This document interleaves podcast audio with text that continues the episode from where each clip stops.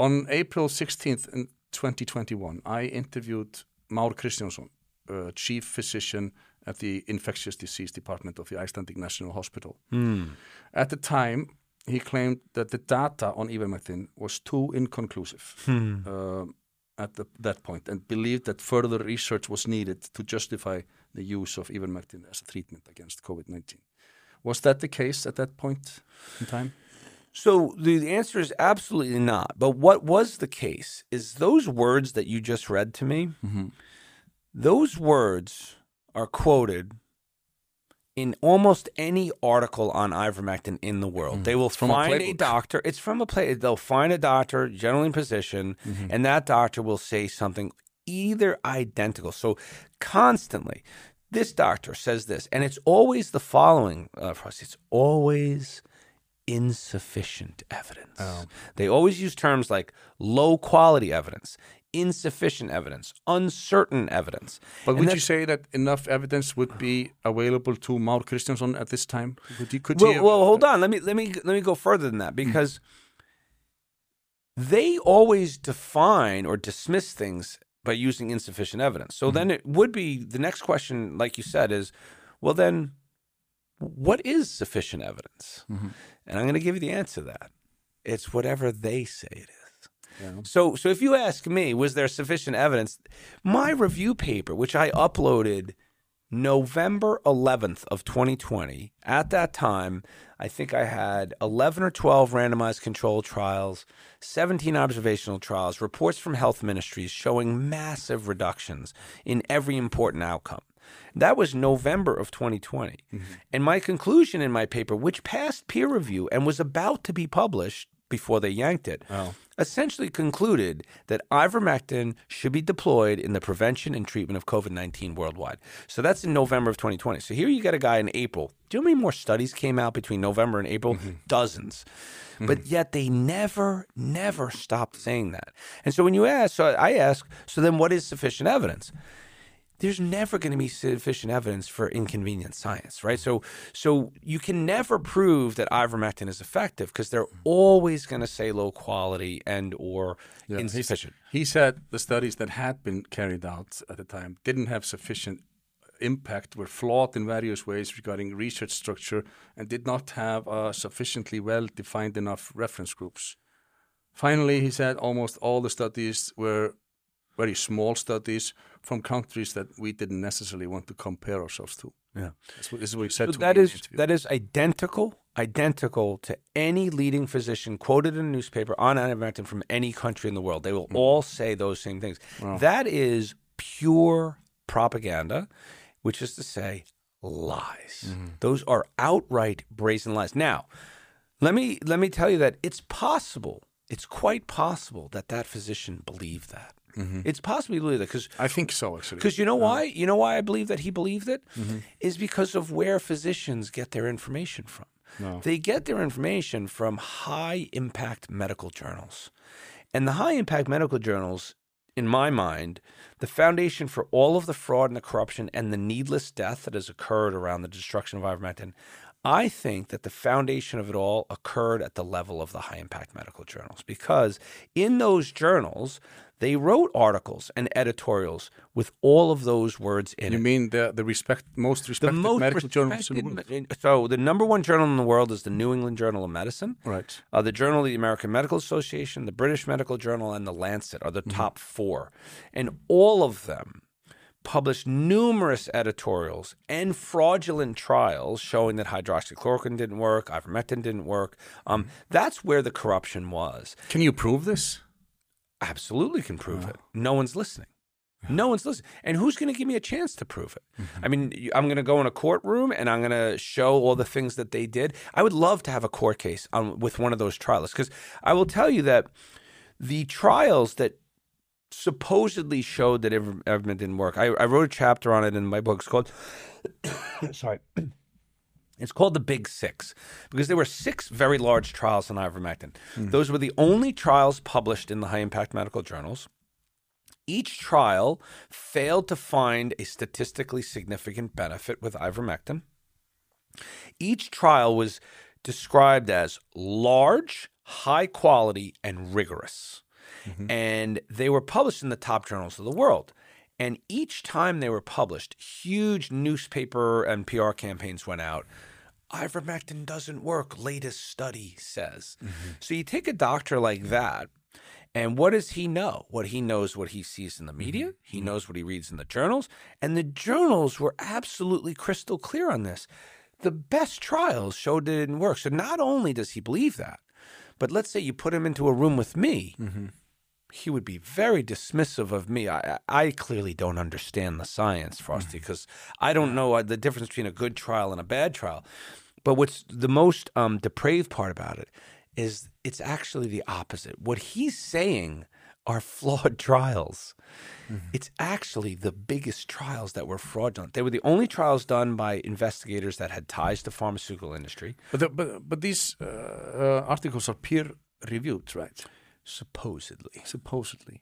At the time when I did this interview in April 2021, uh, the National Hospital here in Iceland was, u- was using remdesivir. uh, Már Kristjánsson, this this head doctor, said uh, that the World Health Organization had certainly taken a stand against remdesivir, but that had been on political grounds.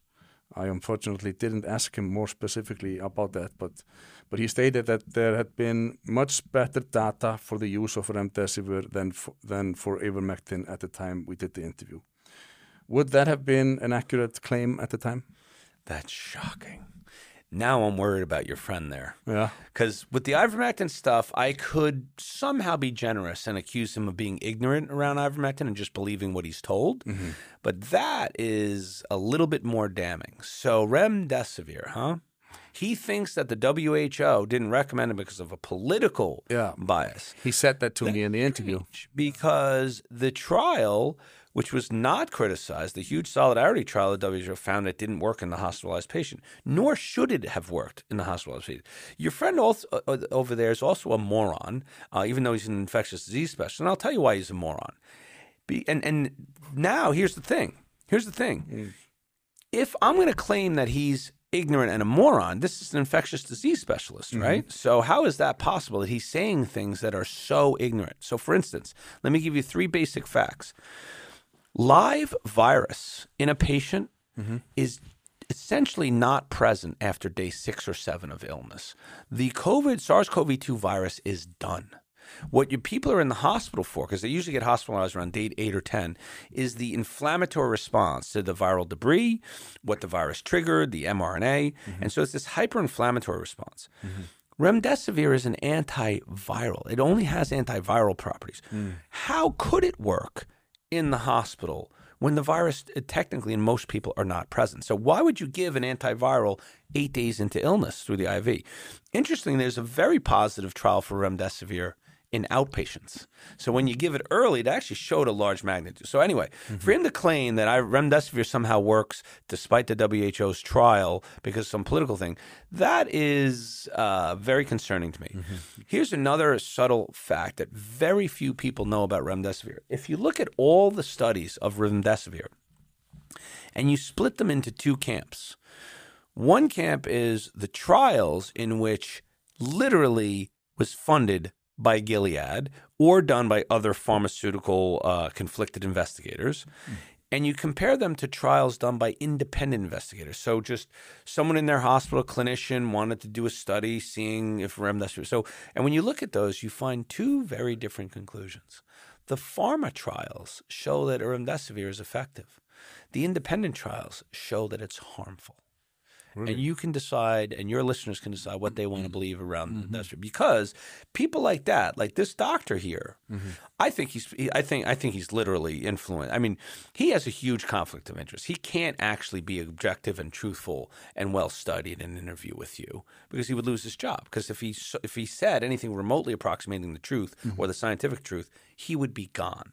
And I would even further maintain that this guy, and it's not about him individually, this is just how it is across the world. If, let's say, he were to t- tell you the scientific truth mm-hmm. on any topic in an interview, he would lose his job very quickly. And the flip side of that is he has that job because he has the ability to say that kind of nonsense in a national interview. And I'm telling you, these people are a dime a dozen. They're everywhere. They can be bought and sold. And I'm tired of it. I'm tired of these white coats coming out with their names and their degrees and their titles, mm-hmm. and they look you in the eye and they tell you something arrogantly and definitively, and it's a lie, and people die. And then they go home to their bed, to their nice cars, and to their job where they're commended for their excellence and their expertise on a scientific topic. Meanwhile, they're leaving a trail of death. And they've there's people like them around the world in mm-hmm. every health agency around the world. They've been doing this. They come out of the journals, they come out of the big institutes, all of the big names, and that's all they're doing. It's all propaganda. They're they're, they're absolutely just mentally manipulating you with their with their names, degrees, and institutions. And it's like you said, wouldn't these journals lose their integrity? Seemingly not, because no matter how many lies they've told, no matter how much death has resulted from their advice, they still you know, when you say the Mayo Clinic in the United States or Karolinska Institute in mm-hmm. Sweden, everyone still thinks, oh, the best medicine and the best minds are there. I would predict, and I try not to make too many predictions, but my sense is that esteem and that respect and that veneration mm-hmm. that those major historic institutions in society and public health, all that they've gained over the last 50, 100 years, I guess it's not a prediction. It's my hope that it comes crashing down and everyone's able to see it's going to be demolished because they've they've unleashed a humanitarian catastrophe. The scope of dying not only directly resulted to the vaccines, Mm-hmm. but to the suppression of earl effective early treatments, um, has led to millions and millions and millions of deaths. And if that fact becomes widely known, and it's hard to make that widely known fact because the media will not allow that fact to be propagated. Do you think the, the use of remdesivir in uh, in critical care here in the hospitals here in Iceland uh, was harmful to the Insane. insane? insane. It can Harmful only be to the- harmful. it can only be harmful.